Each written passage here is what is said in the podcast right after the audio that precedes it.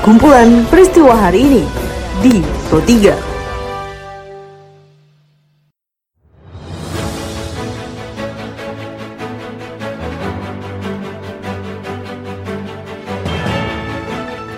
pendengar, saat ini Anda sedang mendengarkan kumpulan peristiwa Pro 3. Pada podcast ini saya akan mengulas terkait isu-isu aktual yang saat ini masih hangat juga ramai diperbincangkan di sekitar kita. Tentu saja nanti akan saya hadirkan cuplikan informasi dari reporter kami. Saya Tika Anantia. Inilah kumpulan peristiwa Pro 3 di ruang dengar Anda. Pendengar sebelum masuk ke dalam beberapa isu aktual yang akan saya hadirkan sesaat lagi, saya ingin mengundang Anda terlebih dahulu untuk mampir dan follow sosial media kami di @rri Programa 3 di Instagram, Twitter, juga Facebook Anda. Apabila Anda ingin berita yang lebih aktual lagi, Anda bisa mengunjungi laman berita kami di rri.co.id. Baiklah pendengar, inilah kumpulan peristiwa Pro 3 selengkapnya. Komisi Pemberantasan Korupsi KPK merekomendasikan agar pembayaran insentif dan santunan kepada tenaga kesehatan diberikan secara langsung untuk mengantisipasi adanya insentif yang tidak kunjung cair. Diliput reporter kami, Khairul Umam, berikut pernyataan dari PLT Jubir Pencegahan IP Mariati Kuding. KPK mengimbau kepada manajemen rumah sakit atau pihak terkait lainnya agar tidak melakukan pemotongan insentif yang diberikan kepada tenaga kesehatan atau nakes. Kami menerima informasi terkait adanya pemotongan insentif nakes oleh pihak manajemen rumah sakit dengan besaran sekitar 50 hingga 70 persen. Sebelumnya dalam kajian cepat yang dilakukan, KPK menemukan sejumlah permasalahan terkait pembayaran insentif dan santunan tenaga kesehatan. Atas permasalahan tersebut, KPK telah merekomendasikan beberapa perbaikan dan satu di antaranya adalah agar pembayaran insentif dan santunan dilakukan secara langsung kepada nakes untuk menghindari pemotongan dari pihak yang tidak bertanggung jawab. Presiden Joko Widodo menegaskan bangsa Indonesia harus dapat mewujudkan prediksi lembaga-lembaga keuangan dunia mengenai pertumbuhan ekonomi yang berada di kisaran 4 hingga 5 persen. Menurut Kepala Negara, untuk mewujudkan seluruh elemen bangsa harus bersatu dan fokus dalam menangani krisis kesehatan, sehingga pertumbuhan ekonomi yang berkualitas dapat tercapai.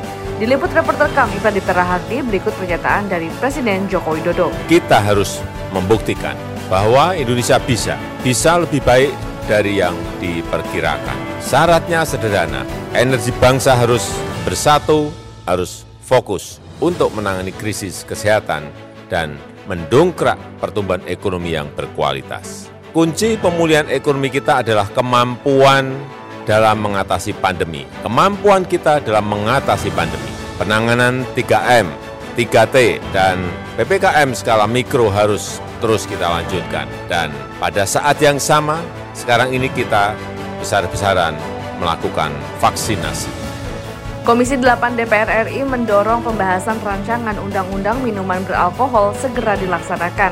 Beberapa anggota Komisi 8, salah satunya adalah Marwanda Sopang yang menyatakan minuman beralkohol cenderung menimbulkan tindakan kriminalitas seperti kasus penembakan oleh oknum polisi baru-baru ini. Diliput reporter kami Rizky Supermana berikut pernyataan dari Marwanda Sopang. Maka sebetulnya penanganan yang paling efektif kita mulai dari hulu. Dari hulu termasuk perlindungan undang-undangnya. Maka percepatan undang-undang tentang miras sebetulnya dibutuhkan. Tapi sebelum undang-undang itu bisa diputuskan, pemerintah harus segera tanggap dengan persoalan miras. Miras sebetulnya ya itu racun, racun pembunuh. Kita beralih ke informasi lainnya pendengar, banjir di Jakarta lebih disebabkan oleh tingginya intensitas curah hujan. Namun berbagai tudingan negatif muncul jika banjir Jakarta merupakan kiriman dari Bogor.